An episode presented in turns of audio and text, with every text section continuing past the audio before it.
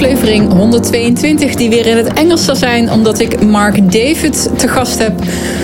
Oprichter van het Instituut voor de Psychology of Eating. En we gaan het ook hebben over de relatie met je lijf. Hoe je dat kan verbeteren. Waarom het zo lastig is om te stoppen met chips eten s'avonds.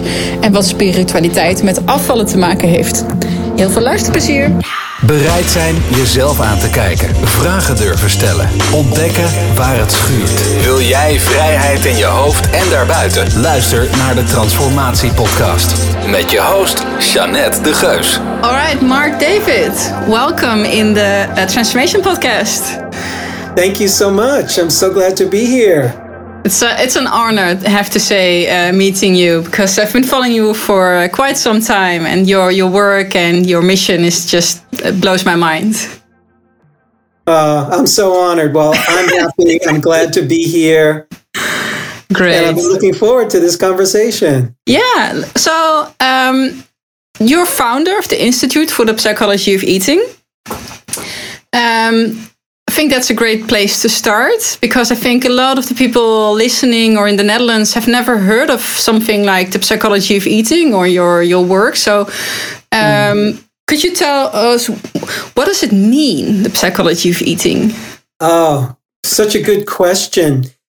You know, I started my career in nutrition. I had a fascination with food and nutrition from a very young age.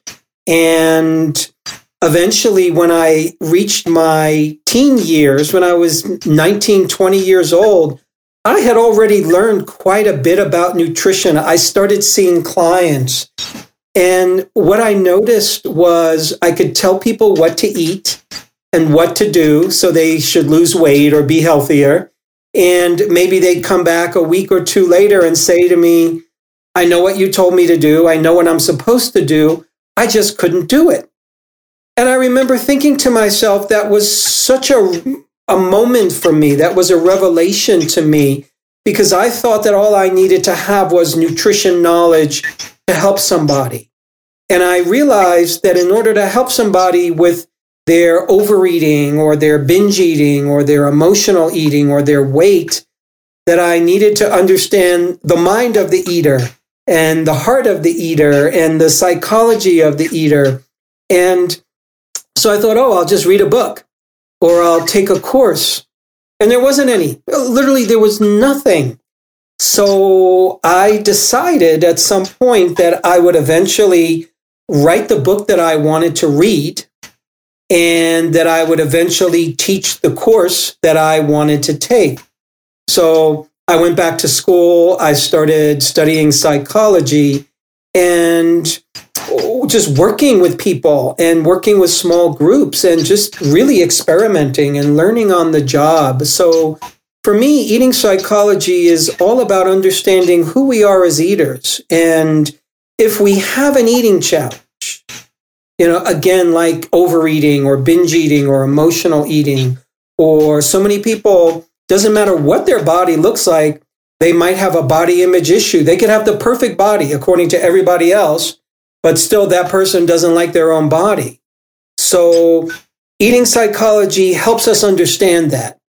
And it helps us work with people who sort of raise their hand and say, I need help with this. I need help changing these habits, changing these patterns. So eating psychology looks at the connections between my food behaviors and the rest of my life. Because what I've noticed is most people, their problem with food isn't really a food problem.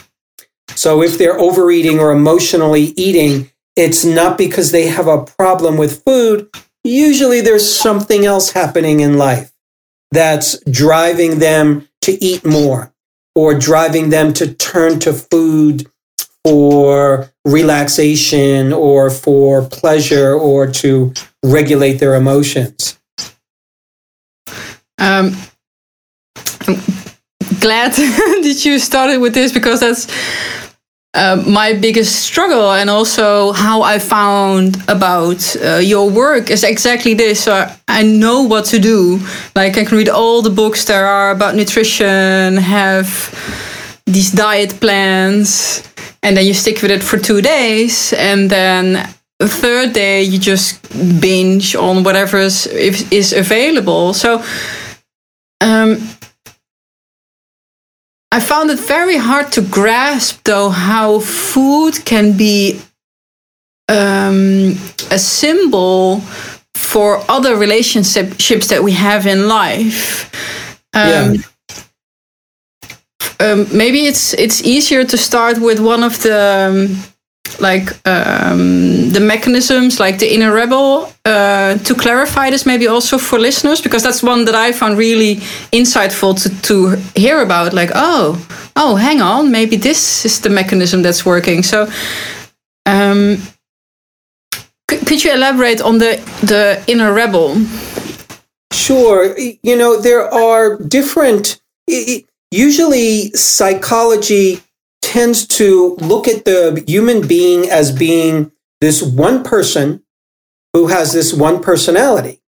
And as it turns out, each of us, we probably have a number of different personalities or personas or archetypes inside of us. We have different voices inside of us.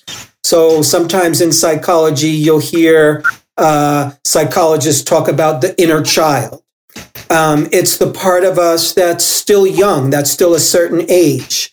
Um, there's the part of you, if you're a woman, you're a daughter, you might be a mother, you might be a best friend to somebody, you might be a student, you might be a scientist, you might be a bitch sometimes, you might be so like there's so many voices in us. And in any given moment, there's a particular voice inside of us or persona or archetype that tends to sit at the head of the table and make our food choices. So if I say to myself, okay, I know what I'm supposed to do, I know what I'm supposed to eat, that's probably the adult mind speaking. That's the parent in me speaking, the adult in me speaking, maybe the little, the nutritionist in me speaking. Okay, I know I'm supposed to do this and this and this. It's a mature voice in me. But oftentimes there's another voice, and it depends on the person. Everybody's different. But a lot of people, what's happening is their inner rebel that you mentioned might take over when they're making food choices. The rebel inside of me is the part of me that I just want to break the rules. It's like a teenager. It's like a 16 year old. They don't want to do what you tell them to do. You say to do something, they do the opposite. Um, and the rebel in us, it's a good voice. It's a good archetype because it's the rebel in us that thinks originally, that's more radical, that thinks outside the box, that's not afraid to have my own thoughts and do things my own way. But oftentimes, if the rebel in me is making my food choices, it can be the immature rebel who's saying, Well, I'm just going to eat whatever I want to eat because I'm going to die anyway someday. So I might as well just do whatever I want to do. And we don't even realize that that's the voice in us that's making our food choices. So then sometimes we just have to ask the question when I sit down to eat, or when I choose what to eat, who is making that choice? For a lot of people, it's not the rebel, but it's more like the inner child. And oftentimes, what happens is let's say you were 12 years old, and maybe you were a little chubby or fat, and kids made fun of you at school. And then your parents said to you, Ah, you're too chubby, you're too fat, you need to lose weight um, nobody's going to like you. And when a child hears that, um, they get very upset and they think, oh my goodness, I have to do this. I have to lose weight. Otherwise, nobody's going to love me. My parents aren't going to love me. My friends aren't going to love me. Everything's going to be bad. So, what can happen is you can now be 35 or 45 or 55 years old but that 12 year old voice is still saying, oh, if I don't eat the right things, nobody's going to love me. And oftentimes we have to sort of notice that that voice is making the decisions and begin to um, update ourselves and to start to bring in another voice that we want to strengthen or that we wish to make our choices the inner adult, the inner parent, or the king in me, the queen. Uh, sounds like, okay, let's do this. And then we start to eat, and then the meal is finished, and like, oh, shit, I should have invited maybe the adult to me. So, how can we create more consciousness around these decisions and um, around well dinner time eh, basically. Yes. I you know i love that question. How can we create more consciousness? Because in a strange way the question and the answer are almost the same thing. Meaning a lot of us are making choices out of our habits. We're on automatic pilot. We just do things when it comes to food. And we'll continue to make automatic choices. We'll continue to let the rebel in me make choices or the child in me make choices. And until we introduce consciousness, well, think of this any unwanted habit. If you and I have an unwanted habit, let's say you smoke and you don't want to smoke. Let's say you overeat and you don't want to overeat or you make choices that you end up regretting. Usually those habits that we don't want, they're automatic and they're repetitive and they're unconscious.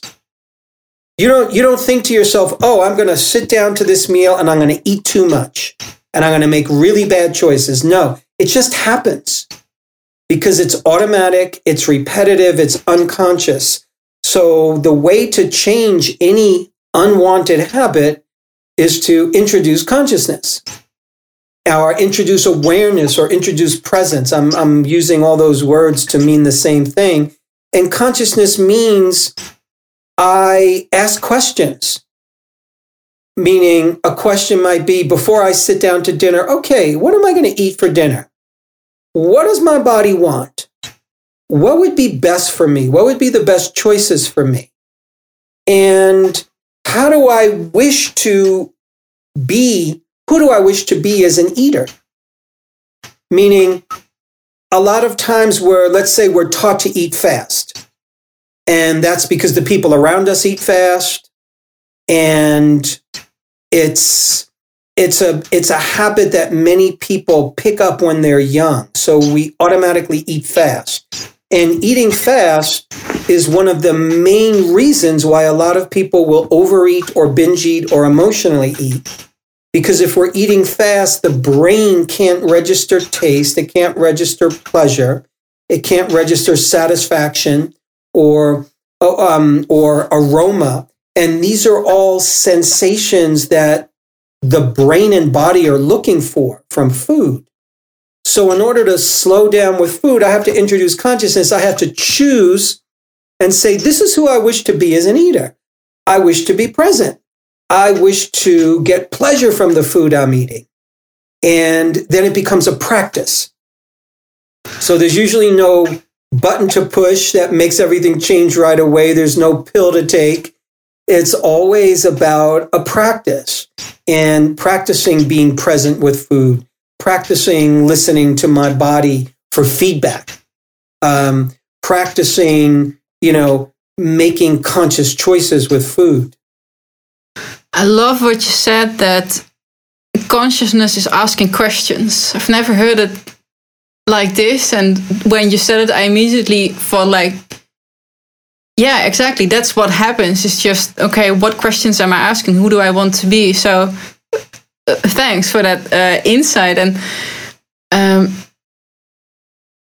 I want to circle back to oh, it, I believe it's not really unconscious. For example, the inner rebel resonates with me, and the easiest way to to uh, um, bring my listeners aboard is to well to show you to share you my my struggles, I guess. So I know beforehand that I'm going to make, I'm going to go to the supermarket, I'm going to buy pizza or uh, chips or crisps. Um, it's not really that unconscious. There's this way in between, like I still don't do it or struggle with it. So, um, what to do in if there is consciousness, but you still just find it really hard to be nice to yourself? I guess. Yes, you know, Janet. So, uh, oftentimes we do a behavior that we say we don't wish to do because we're getting a benefit from it. It's serving us in some way. So part of part of change is asking questions such as, you know, how does this unwanted behavior how am I actually benefiting from this? And how does it serve me? So to me, even if you know, okay, I'm going to go to the supermarket and I'm going to buy these foods that I say I don't want to buy, but there's a part of me that's just still choosing it. So there's a part of you that benefits.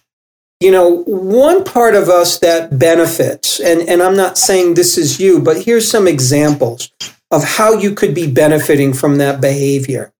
Um, there's something psychologists call immediate gratification when you and I are, are, are infants, when we're tiny little babies, what we know is immediate gratification, meaning you look at any little infant and they can be crying, they could be screaming, they could be yelling. And as soon as mama comes and mama gives the baby the bottle or the breast, in an instant, the baby relaxes. The baby is stops crying and is a happy baby and you go from crying and screaming to happy baby, all because the baby got bottle or breast and it was being held by mom. So we learn from a young age, immediate gratification is built into the system, meaning I want this immediately. And that's what a baby is supposed to do because they can't talk. They can't explain to you what's going on to, for them. All they could do is scream and cry when they want something or moan and groan. And what happens is in our genetics, in our genetic memory from all our ancestors, as well as in our own lifetime, we have the memory feel bad, eat food, feel better. And a lot of times, what is happening is we're looking as adults for immediate gratification and we not, we're not thinking about the long term consequences. So if you're talking to a five year old and you say, you, you know, you say to a five year old, no, I can't give you cake and ice cream every day for your meals because that means you're going to grow up and you're going to be unhealthy.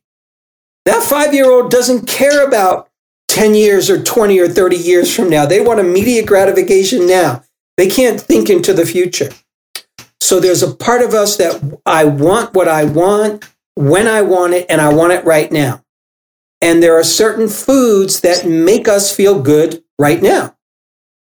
A lot of those foods don't happen to be good for us if you ate them all the time, or they might be foods that you're trying to choose not to eat. So part of it is learning. Part of it is you're learning how to let go of immediate gratification and make choices that work for you long term. So that's a piece of it. Um, I think the other part is oftentimes, as you said before, the rebel in us wants to break the rules. So it's oftentimes looking at what's the part of you that wants to break the rules? When did that part of you first show up?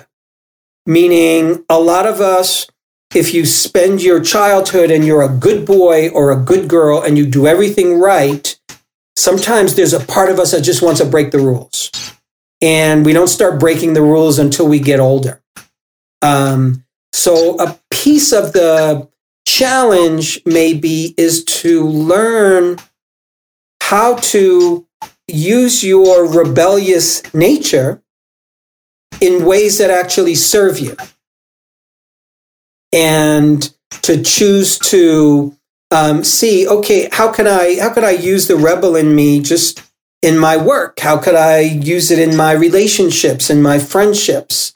Uh, how could I use it in you know any volunteer work that I do? Because the rebel in us needs expression, and sometimes people just express it with how they eat, but they're not looking at how the rebel can function in other parts of their life. Is that at all helpful for you? Oh, yeah, absolutely. Um, uh, one follow up question that I have about that, because I remember also from your course, because you have a beautiful uh, course that I would like to also point listeners to, um, is um, when dealing with that and trying to let go and stop dieting, for example, is and moving towards a more intuitive way of eating. Mm-hmm. And then there's this phase like, oh, but when is this me being intuitive and just going maybe with um, not so good food, but just not restricting myself? And when is so when is it intuitive and when is it just me being sabotaging myself? Yes, so such a good question. You know, first of all, I want to answer that question, but I want to start with many people we read books, we get on the internet, and we hear, oh, this is the right way to eat. Don't eat sugar. Don't eat gluten. Uh, don't eat dairy. Don't eat meat or eat meat, whatever it is. And what happens, or don't eat carbs. And then what happens is we'll often adopt a diet or a way of eating that is too difficult to follow and actually doesn't work for us or doesn't work for the human body. Um, there's not a lot of people who can follow a highly regimented diet that has no pleasure and no fun for a very long period of time. So part of it is just noticing when we're choosing an extreme way to eat. Now, I don't know about the Netherlands, but in the United States, for many decades, the doctors and the scientists were telling everybody you have to eat low fat, low fat, low fat maybe even try no fat. And what happens is people would eat low fat or no fat diets, and then they'd find themselves binge eating. and they would binge eat on anything and everything. And the reason they're binge eating is because fat, EFAs, essential fatty acid, they're essential for life. You need them. It's a it's a it's a necessary macronutrient for the body. So when we're not getting enough of it, the body goes, huh, I'm not getting enough of this essential nutrient. The brain is not smart enough to tell us, hey, you're not getting enough fat in your diet. The brain simply screams at us, hungry. And then so you're driven to eat more. And you just want to gorge on anything because all the brain is able to tell us is, I'm ravenous, I'm starving because I'm missing a nutrient. And just go out there and eat as much food as you can so you can survive. So so brain and body are trying to help us survive. So a lot of people are following diets, even if you go, a lot of people try to eat very low carb. And you're going to need carbs, you're going to need fiber. Um, and chances are you've grown up with it. So if you're just, if you're eating no carb for a week, you're likely going to rebound. Um, so a lot of people try to go on an all or nothing diet. I'm either going to be 100% good, no sugar, no dairy, no wheat, no this, no that, or I'm just going to, heck, I'm just going to eat whatever I want. So that mentality, that way of thinking, all or nothing, never works. And what I have found is a lot of people need to build in um, fun foods or pleasurable foods or even forbidden foods into their diet and stop making it so forbidden because the moment you tell the brain, don't do something, the brain is wondering, well, why can't I do that? Well, maybe I should do that. Um, it's the old, you know, back to the Old Testament, uh, you know, don't eat the apple. And what's the first thing Adam and Eve do when they get a chance? They eat the apple. And that's the human mind. It wants to explore. So you mentioned intuitive eating and intuitive eating you know the way i see it it's the it's the act of asking yourself asking your own body wisdom what would best nourish me right now? What's my body asking for? Body's very intelligent. We have a separate yet interconnected nervous system in the gut called the enteric nervous system. People call it the, the, the brain in the belly. Mm-hmm. Um, and there's as many nerve cells in your digestive system, nervous system. There's as many brain cells there as there are in your spinal cord. So, meaning there's a lot of intelligence. And that's why, you know, in my country, we often have a saying, we'll say, I had a gut feeling about that. So we don't say, I had an elbow feeling, or we don't say, I had a kidney feeling. We say, I had a gut feeling because our gut is literally talking to us. So intuitive eating is we're asking the body, we're asking our gut wisdom, you know, what would work for me? And yeah, you might get an answer that says, eat ice cream all day. So then, sure, eat ice cream all day and see what happens. And you listen for feedback. Okay, now, okay, I listened to my intuition. How do I feel? Did that work for me? Do I have more energy? Is my digestion better? So it's not about getting it right all the time. It's about learning. It's like anything else, it's a practice. You want to learn any sport, you have to practice it. You want to, and you're going to make mistakes. So it's really intuitive eating is learning on the job, but we're always listening for feedback afterwards. Okay, how did that work for me? So part of it is learning how to trust ourselves because really, to me, the question you ask is, how can I learn to trust myself? Trusting yourself doesn't mean you're always going to make the right choice about anything in life, not just food, about anything, about people, about money, about business, about work. You're going to make choices that work for you. You're going to make choices that don't. Trusting myself means even when I make a choice that doesn't work, can I trust that I'll recover from that and that I will um, stand by myself that I won't self reject or punish myself or beat myself up. And I'll just continue to work on myself so I can get better. And I also hear say that uh, on the one hand, like uh, the brain is just screams hungry, so it's not so smart. So is it then that uh, these thoughts or these cravings are not so smart, and the gut is just an, another way of telling us. I mean, it's, it's find it so difficult to. Um, well, I guess it's the trust. Like, oh, my body will know what to do when there's so much.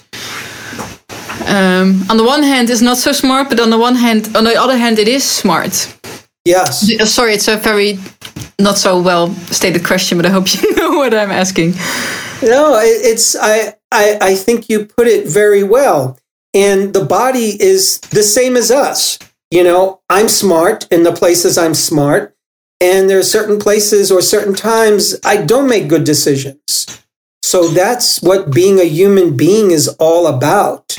So it's really taking away right and wrong. It's taking away being perfect and understanding that if you're a human being on planet Earth, in this day and age, we are learning still how to be eaters. There's no exact science of nutrition. People, people think that there's a perfect diet or a perfect way to eat out there. And, and there's not. There are as many different legitimate approaches to nutrition as there are people on the planet, meaning the diet that works for your body, your genetic type, the climate that you live in, the season, your level of health, your age. It's, it's every person is unique. So part of it is we're all, you know, on one level, if you're interested in nutrition and food and health, then to me, we should consider ourselves nutritional explorers. Um, you know, we're, we're scientists of our own body and we're learning on the job. So we're not going to know 100%. You know, most animals um, instinctively know what to eat. Human beings, we need to be taught how to eat. And even then, a lot of times we have to unlearn what we were taught. So it's complicated. It's not easy being a human being and being an eater because there's so much conflicting nutrition information out there. I think what happens is a lot of people are very confused because they hear being a vegan or a vegetarian is good, but if you follow a paleo diet, that's also good, which is the opposite of being a vegan or a vegetarian. Or then you could see some people say you should eat raw foods or you should eat the Mediterranean diet. There's always going to be some new diet. And what I've noticed is every single diet or nutritional approach, it has some nuggets of wisdom. It has some goodness to it that you can potentially apply to yourself. You don't have to do the entire system because every expert, they're going to give you their system and they're going to give you scientific proof um, of why their system worked, but everything contradicts one another. So that's just the state of nutritional science. It's very, it's a young science.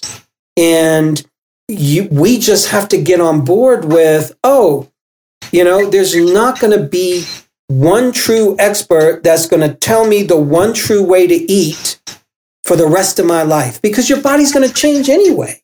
Um, and your needs are going to change, your desires change, your, your where you live changes, um, your lifestyle changes, and as your lifestyle changes, you exercise more, you need to eat different, or you might need to eat more.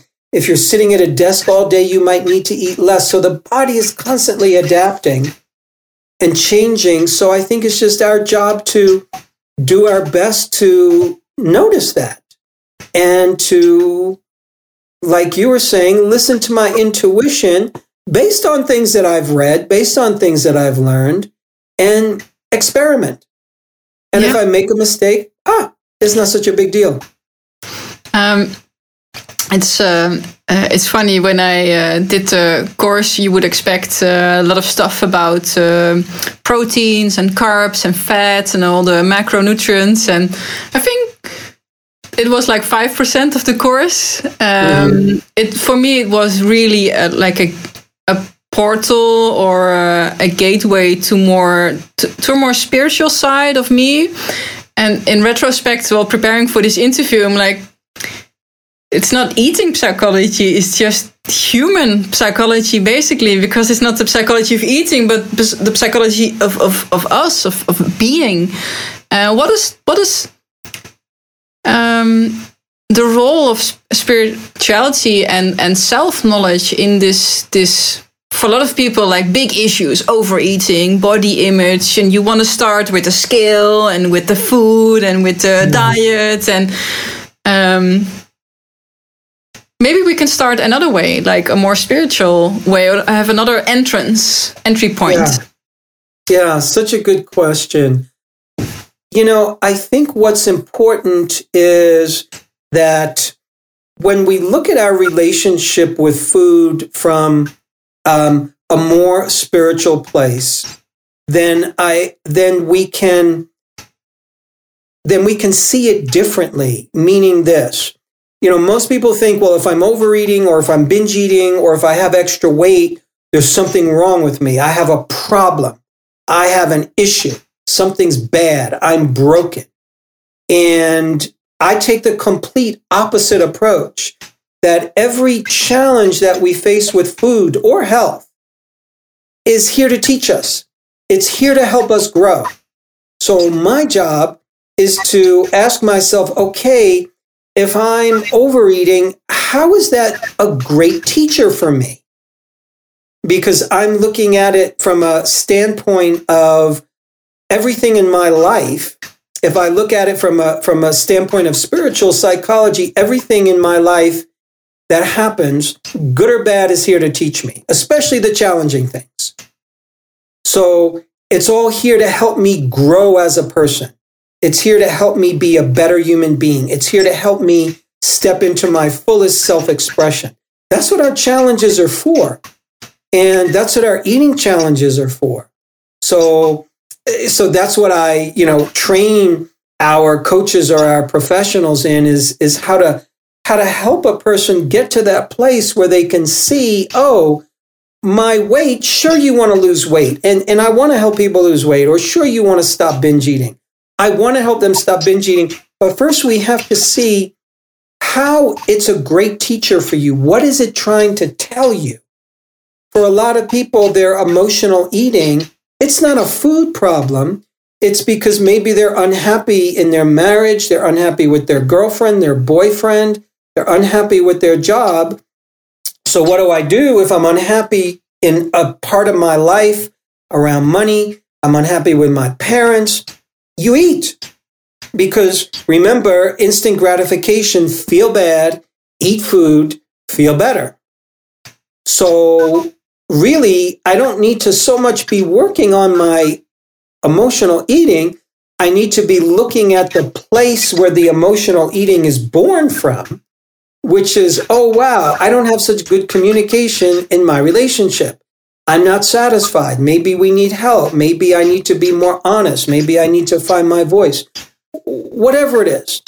Um, I think another way to look at our relationship with food from a from a spiritual perspective is to ask ourselves really what do I want from food? Like really like what do I who, who do I want to be as an eater? Um, because uh, if you look at it this way, no matter what you eat, what kind of diet you follow, every every diet, every nutritional approach ultimately has the same result, which is death. We're all going to die. So there's no food you could eat or diet you're going to follow that's going to make you live forever. And yeah, some diets and some ways of eating can make you healthier for sure, but even that's not guaranteed. I know people who eat well, they exercise, they have a great lifestyle, and they get sick at a young age, and you just don't know um, when it's going to happen. So asking myself, you know, what do I want from my relationship with food? What do I want food to give me? You know, for me personally, I say to myself, I want to be as healthy as I can because I like having energy. I like having my brain power. I like being able to feel like I can express myself, that I'm sharp. So those are values of mine, like health and energy and being sharp so so I can feel like an effective person in the world. I have a better experience of life when I'm feeling healthier. Therefore, I like to eat foods that give me the best chance to be healthy. But you know something? I also value my relationships. I value pleasure. I value going out and being with friends. So there's times when I might eat things that, you know, I wouldn't eat every day. But if I'm with family or friends or I'm at, I'm at a holiday dinner, there's certain things that I might do just so I can be part of the crowd because it's a value of mine to be connected to the people around me. Um, so it, it's also a value of mine to be aware and to be present and to notice when I'm doing things unconsciously that don't serve me. So that's a value. And so I apply that value to food. Am I doing things unconsciously with food that don't serve my higher purpose? So my higher purpose is to be the best person I can be. How can food support that? Without me trying to be a perfectionist, you know, because I think that's where people get caught. They think they need to be perfect. And as human beings, I think a good spiritual approach is we're very imperfect. and we make mistakes and we do dumb things. And sometimes, even though we have the best intentions, we don't eat the right food. And you could either punish yourself for that and hate yourself for that and constantly have negative self talk. But if you have a spiritual approach to life, in my spiritual approach to life, I don't want to be verbally abusive to people or verbally violent to them. I don't want to be in judgment of people. I don't want to speak ill. But I also have to apply that to myself. Yeah. So a lot of times what happens is a lot of people are in a battle with food or they're in a battle with their body because internally they're in self judgment. Mm. I don't look good enough. I need to lose weight here or there. And if I lose the weight, then I'll love myself and everybody else will love me and I'll be perfect and I'll be happy. But I've never seen anybody get there. Like as soon as they hit their perfect weight, then everything is great. Their life is perfect. The perfect guy or the perfect girl comes along and they live happily ever after. I just don't see it. um, I haven't seen it either. um, um, uh, if it's okay with you, I, I want to go to a quote that I found of yours that I really find fascinating. You mentioned uh, addiction is a hiding place for sensitive people. Mm. It's a hmm. quote that I don't know, it just resonated with me. Um, but maybe you could elaborate. What does that mean? Yes, yes, yes. You know, I, I think there's a lot of ways we can talk about addiction many, many ways we can talk about addiction. And one way to talk about it, and I'm not saying this is absolute, but one way to talk about addiction is that a lot of us as human beings, we're very sensitive. And we grow up in a world that's oftentimes insensitive. The world can be mean, it can be cruel, it can be difficult you can have all kinds of great skills and wonderful talents that would allow you to help people, but the world doesn't, you know, just roll out the red carpet and say, "Oh, here's the perfect job for you and here's all the money you need and and here's everything that you need to be happy." So we're born into families sometimes that aren't healthy. We have relationships with our parents sometimes that are very challenging. Um, we have circumstances where we've been harmed physically or emotionally, or people are, some people, their parents die young. Some people, you know, are born with, you know, ailments, diseases. So, so life isn't easy, is what I'm trying to say. And when we become addicted to something, like alcohol, like a drug, you can become addicted to, I don't know, you know, surfing on the internet you can become addicted to just wanting to solve every problem with food. And really, what's underneath that is that we're very sensitive human beings and we're looking for a way to feel a deeper connection. So when we turn to alcohol, it's because life is challenging and we're looking for a way to feel more connected to ourselves. So you drink the alcohol and you momentarily feel better. You take the drug, it makes you feel relaxed. It connects you to yourself. Maybe it even connects you and it makes you feel comfortable in the world. So usually an addiction is a deeper hunger for connection. And that might be connection with others, like real love connection, intimate connections. It could be connection to a higher power, to a spiritual power, to God, to whatever. Um, and usually it's the sensitive people who find themselves addicted because the world's a hard place to get through.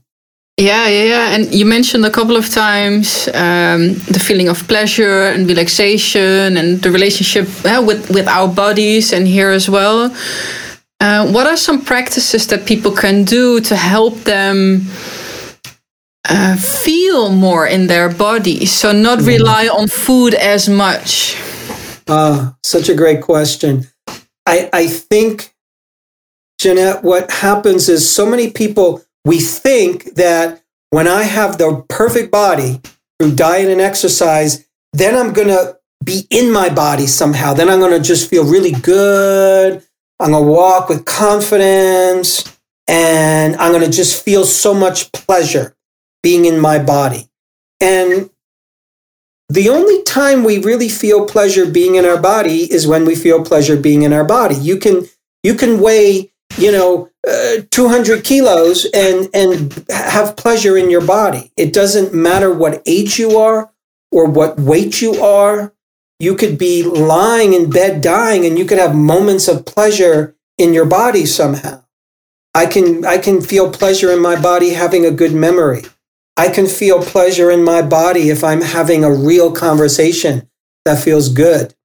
Um, there's so many ways we can start being in our body now and not promising ourselves that I'll be in my body at a future time when I lose all this weight. Because what happens is people end up in their heads. They're constantly thinking, I'm constantly worrying. I'm worrying about my weight. I'm worrying about food. I'm worrying about diet. So when I'm doing a lot of worrying, my energy is up here. My energy is not in here. So, you know, usually with my clients at some point, I'll ask them to, to write a list. Everything in your life that makes you feel good. Everything in your life that gives you pleasure. People, places, things, thoughts, beliefs, foods, exercises, experiences.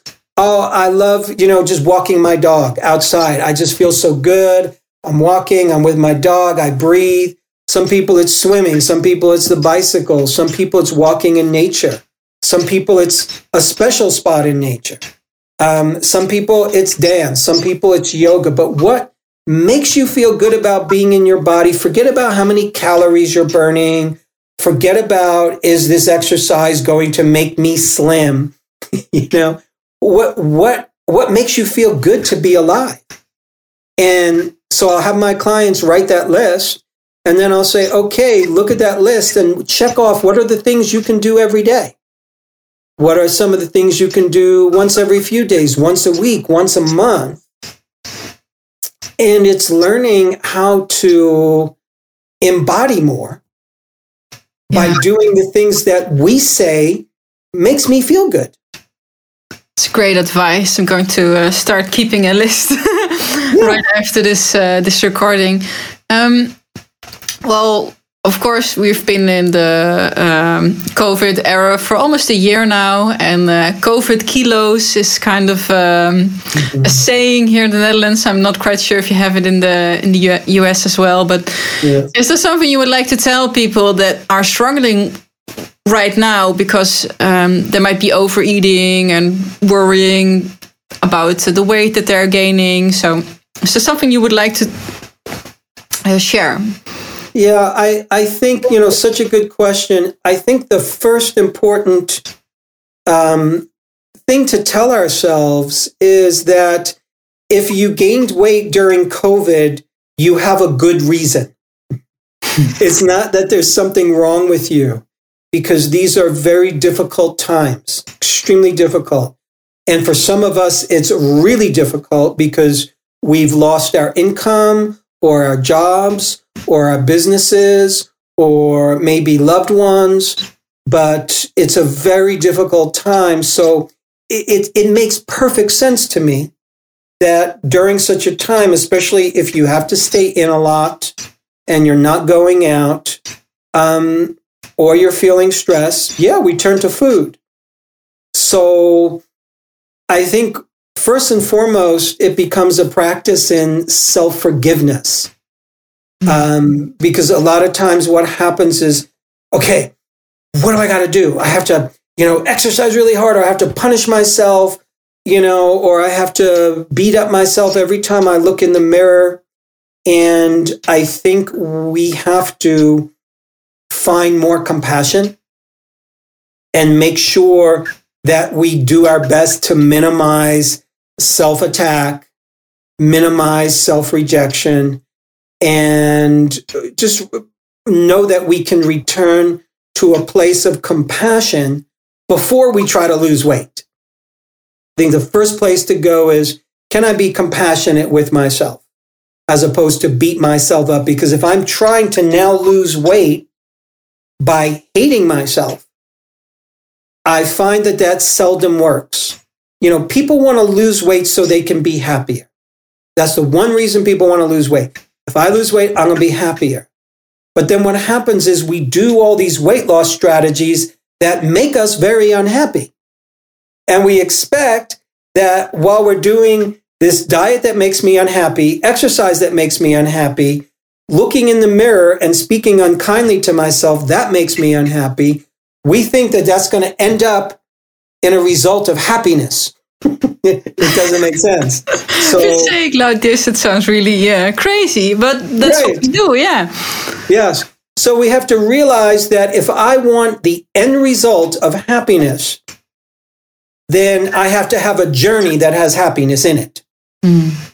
So if I'm going to try to lose weight during this time, how do I make it a more positive and joyful experience? And I'm not saying that's easy, but that's the question I have to ask myself. How do I make it more positive and joyful? Maybe it means that I'm cooking better meals for myself. Maybe it means that I'm having close friends over for dinner or for meals where it's very supportive. Maybe it means, you know, finding a friend that you can exercise with that, you know, that experience feels good to you. So, how can I make my weight loss journey? How can I make the journey itself fun? How can I make it pleasurable? How can I how can it include more happiness? I think it's going to be different for each one of us, but I know for sure that if we're trying to lose weight because we're hating ourselves, that usually ends up in a destination of I'm still hating myself somehow. Yeah, one of the um, anecdotes I remember also from your courses. And what struck me, like, I don't want to be that 85 year old that still, like, oh, if I just would lose five kilos, then I would be really happy. Like, no, I don't want to age like that. I want to be mm-hmm. happy. yes. And yeah.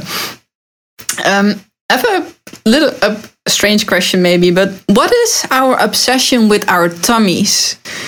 Um, I find, and it's so strange, I find myself checking my tummy in the mirror when I was in high school or my, at my job. I would go to the toilet and then in the when there's no one there in the mirror, you know, check. it's so silly. What is this tummy obsession? I think what happens is from a young age, we are we're conditioned, we're conditioned or brainwashed by the media in terms of how we should look in order to be acceptable. And we don't even realize how much we get the message from a young age that here's what the ideal body looks like. And the ideal bodies for women are always slender. And these days, the ideal bodies for women, they, they always have, you know, a tight belly or they have, you know, strong ab muscles. And for men, it's, it's always been that way. Um, you know, back since really in, in, in the USA, since the 1950s, we're constantly being shown images of this is what a man's supposed to look like. I think on top of that, what happens is that there's a part of us that knows that the the midsection is the center of our being. So it's it's actually the um, it's it's it's actually in um, uh, in Japan they call the midsection the hara H A R A, and they look at it as the seat of power. They look at it. The midsection is where all your balance comes from. Um, these days, you'll often hear, we'll use the term core exercise, exercise to strengthen your core. And the core muscles are, and the core of our body is, first of all, the core is your digestive system. So it's where you take in your food and you have to take in something from the outside that's not even you, bring it into your belly, break it down, pulverize it, extract what you need, get rid of what you don't need, so the digestive and eliminative system has to do that. Also, remember we talked about how the you know the the brain and the belly, the enteric nervous system has a lot of wisdom. So so all I'm trying to say is there's a lot of action in the middle of the body. And there's a part of us that knows that the midsection is important. Um, in Latin, the midsection is called solar plexus. Solar plexus means solar, sun, plexus is like gathering place. So it's a gathering place for the sun's energy. So what happens is, I think when we're shown images of tight abs with no body fat, a part of the brain thinks, oh, that's what I, that's how you have an evolved midsection. It's just tight and muscular. Whereas really what an evolved midsection is, it's intelligent. It's working for you. Your digestion is working. Your elimination is working. You're able to bring breath into that part of your body. And when we move from our core, we're literally more effective in any sport. We're more effective in any exercise. And there's a certain pleasure when the core feels strong. Strong doesn't have to mean like six pack abs. It doesn't have to mean, you know, everything looks like it's steel and has no fat, but then people, we get hooked by certain images. Mm. You know this. You can be surfing on the web and there's, there'll be an image of a person, a woman, a man, an animal that just, just catches your attention. Some Im- images are very powerful and they can catch our attention. And depending on how that image is being presented to us, it can, it can condition the mind in a not so positive way. You know, a lot of my clients who have, um, who have a challenging body image, they don't like their body. I ask them, stop reading magazines, stop watching TV for a while, don't go on social media, don't look at everybody showing off their beautiful body. Like, let it go for a while because it's too much for the brain. It's too much input, it's too much stimulation because we are very sensitive to images. So I don't know if I answered your question, but that's my that's my best attempt at it.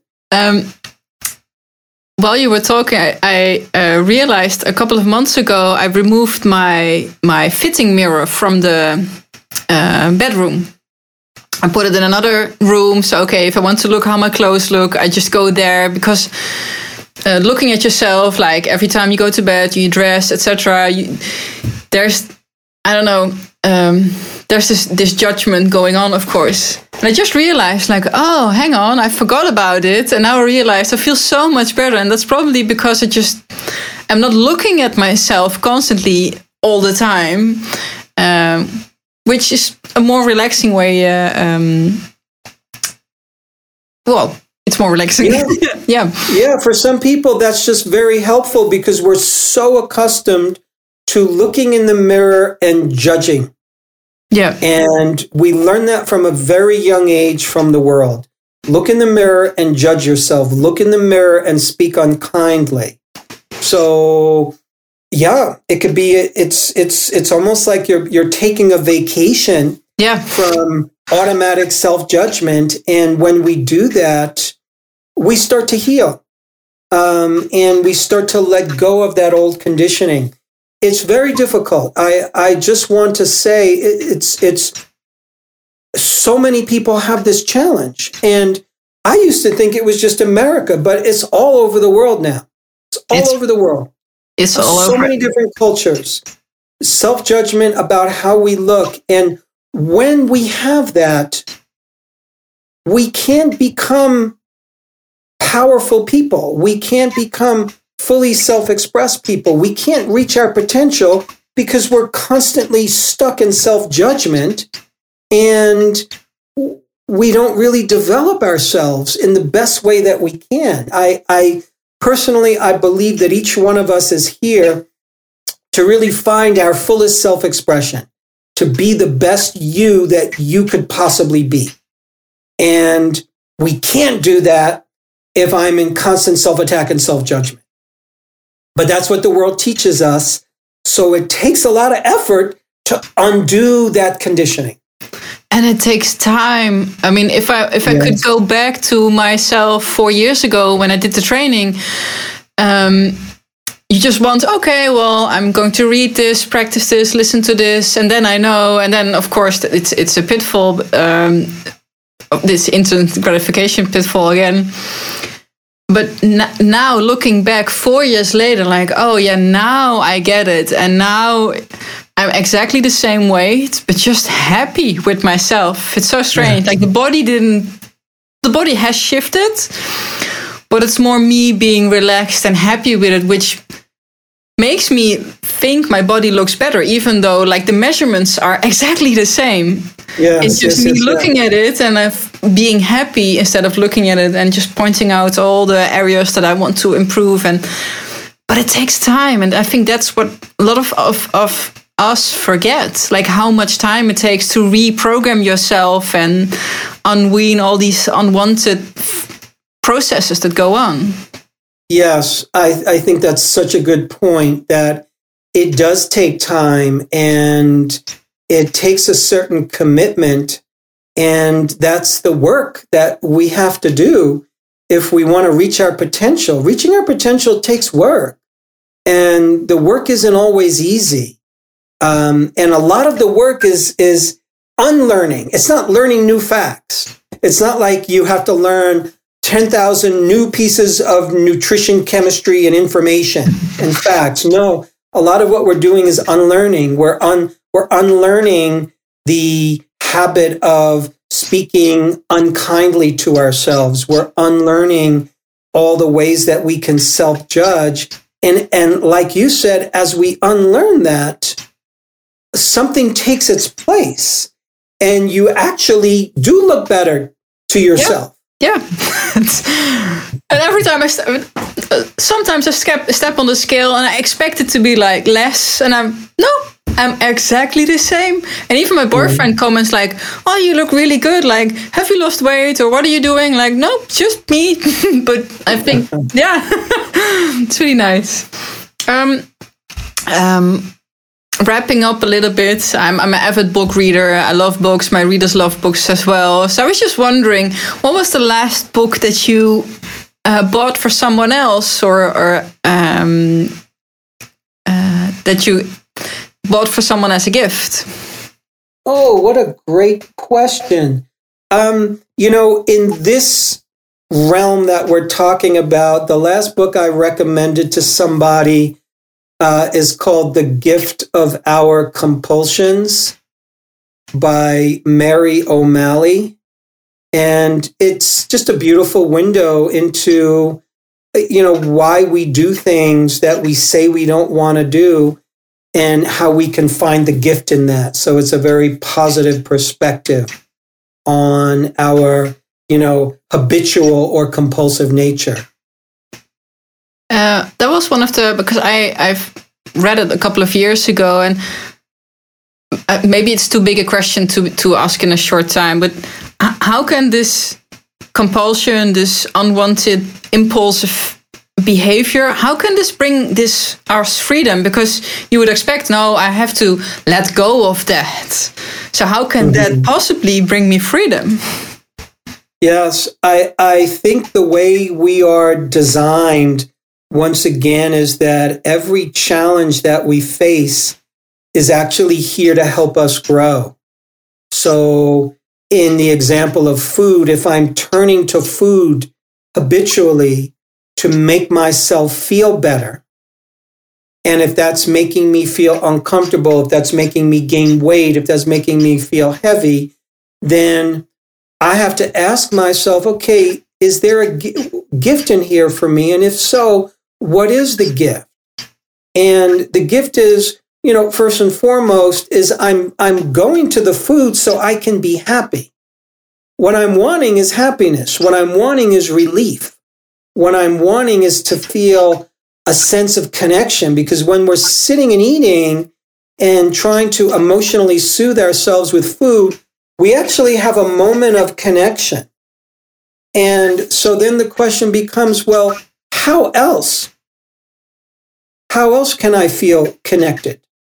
How can I feel more connected to myself? How can I feel more connected to others? Um, I'll, I'll say briefly that I had a client who came to see me, and her complaint was I'm eating too much sugar. I'm addicted to sugar. Sugar is my problem.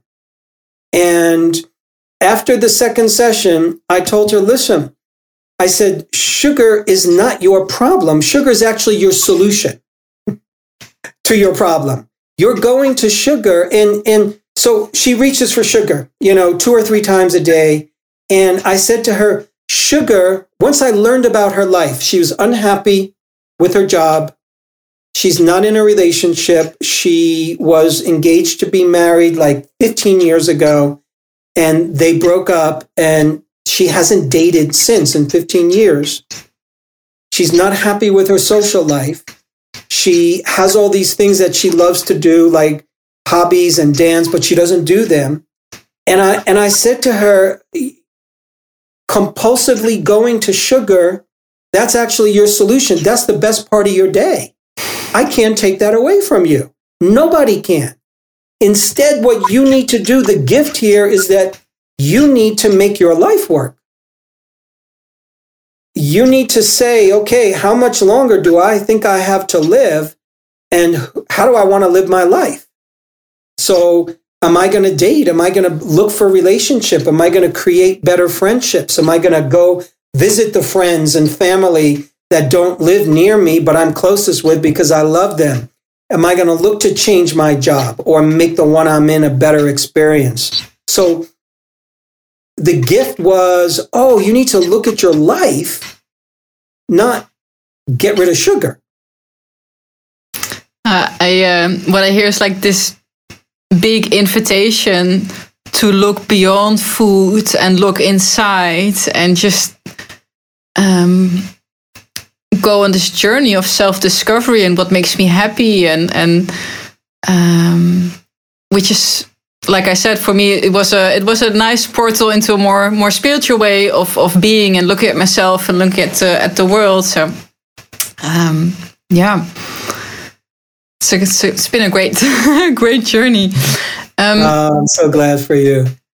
Um, looking forward to our future post COVID because I think of course, this will be hopefully this big summer of love when we're all released from our homes.